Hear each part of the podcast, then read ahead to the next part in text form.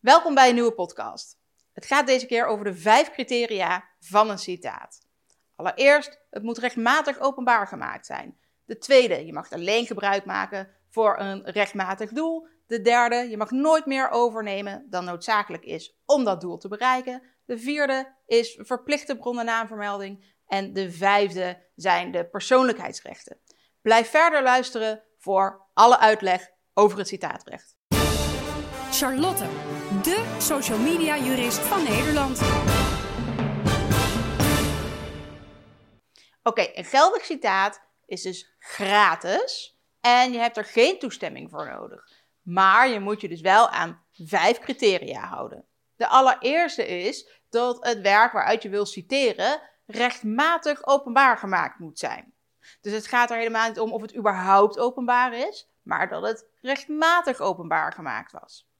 Kortom, werk dat nog niet openbaar is, zoals ehm, het dagboek van je zusje dat ze zorgvuldig onder haar matras heeft bewaard, dat is niet openbaar. Daaruit mag je dus niet citeren. Dat er een klasgenootje is geweest die het dagboek gevonden heeft, dat allemaal heeft inlopen scannen, openbaar heeft gemaakt, ja, dan is het wel openbaar, maar dat was niet rechtmatig. Want dat was namelijk niet de keuze van jouw zusje. Dus ook dan mag je er niet uit citeren. Je mag dus pas citeren uit werk op het moment dat de auteur van dat werk, of in elk geval de rechthebbende van dat werk, de keuze heeft gemaakt om dat openbaar te maken. Of openbaar te laten maken door iemand anders. Dan pas is het rechtmatig openbaar.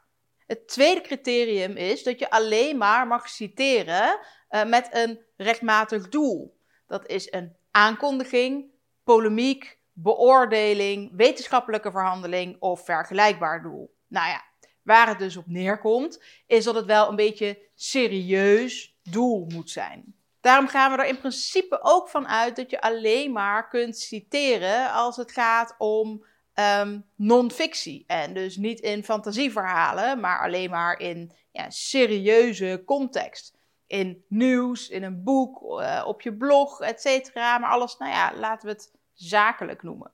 Nou, een aankondiging kan dus ook zijn dat je bijvoorbeeld alleen maar een titel overneemt. Misschien een paar zinnen van een inleiding. Je mag zelfs een thumbnail, maar let op, wel alleen maar een thumbnail van een afbeelding overnemen als je daarna doorlinkt naar de bron waar je het hele artikel kunt lezen. Dan noemen we het een aankondiging en dan mag het dus. Nou, een beoordeling moet je bijvoorbeeld denken aan recensies. Hè? Een boekrecensie, recensie van een, van een film of een videoserie of zoiets dergelijks. Uh, je kunt een stukje muziek laten horen. Nou, het idee is dat je mensen dan wat meer wil laten weten over dat boek of die muziek of die video of die film.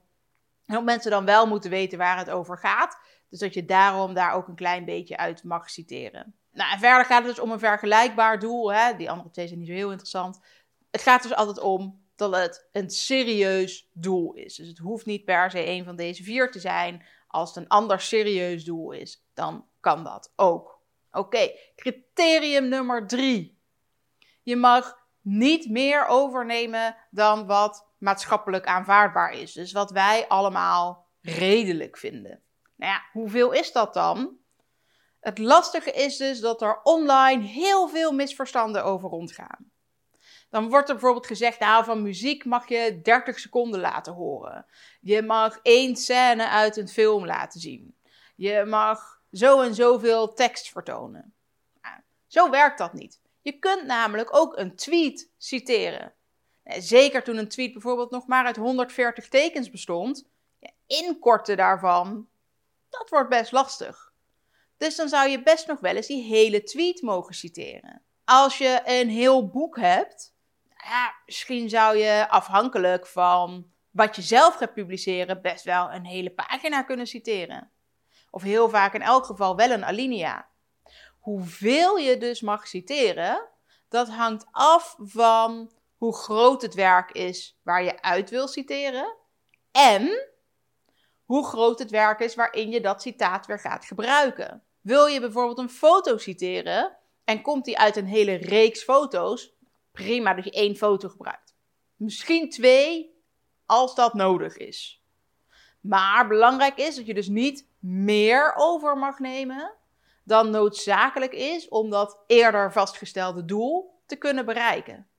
Het mag dus geen versiering worden. Nou, dus hoeveel je over mag nemen, dat hangt echt af van hoe groot het werk is waaruit je wil citeren. Is er maar één foto überhaupt die je wil citeren, ja, dan kun je niet minder dan één foto citeren.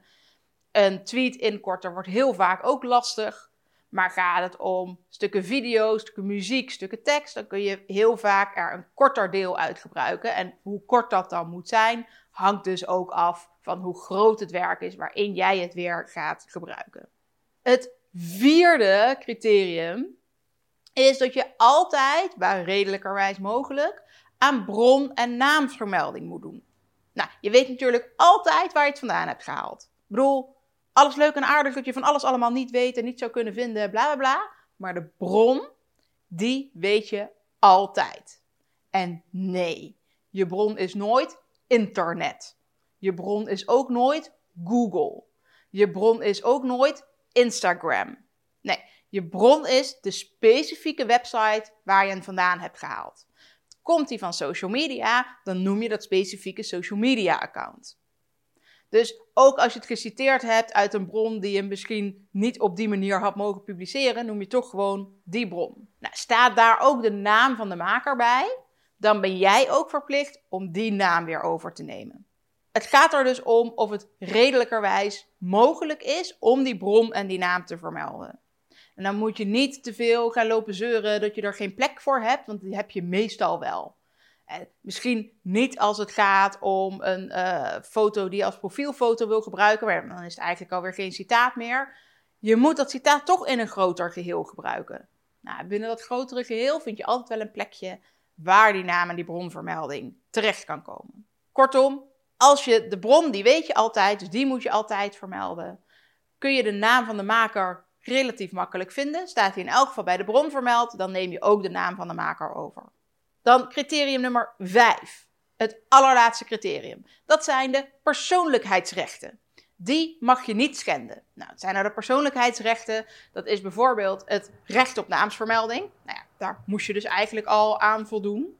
Um, ook het recht van mensen om zich te verzetten tegen een andere titel die aan het werk gegeven wordt.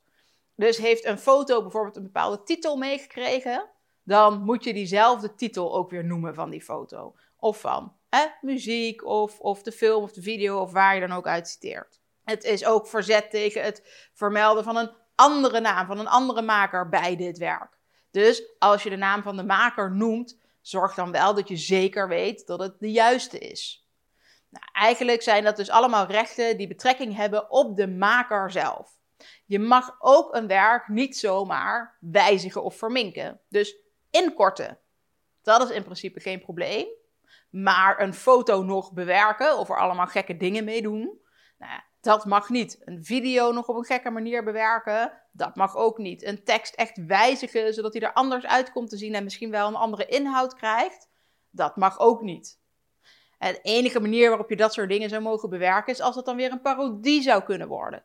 Of als je daar natuurlijk toestemming voor hebt. Maar let dus op dat je dus niet zomaar wat mag wijzigen aan een werk. Je mag het dus alleen inkorten, omdat je dat stukje dan als citaat kunt gebruiken. Oké, dit waren de vijf criteria. Allereerst rechtmatig openbaar. De tweede, een rechtmatig doel. De derde, niet meer overnemen dan noodzakelijk is om dat doel te bereiken. De vierde, zijn naam- en bronvermelding. En de allerlaatste, de vijfde, is dat je aan alle persoonlijkheidsrechten moet voldoen. Nou, wil je meer weten over het citaatrecht, of jij het misschien wel goed hebt toegepast, uh, hoe anderen het hebben toegepast, of dat het misschien toch een inbreuk is, wanneer er misschien een grens ligt tussen citaat parodie, welke vragen je hier ook over hebt, boek gewoon even een adviesgesprek via www.oploskoffie.nu. Dan praten we hier samen verder over. Dankjewel voor het luisteren naar deze podcast. Abonneer je op mijn podcast via je favoriete podcast-app. Er komt elke week een nieuwe podcast online. Dankjewel voor het luisteren en tot volgende week.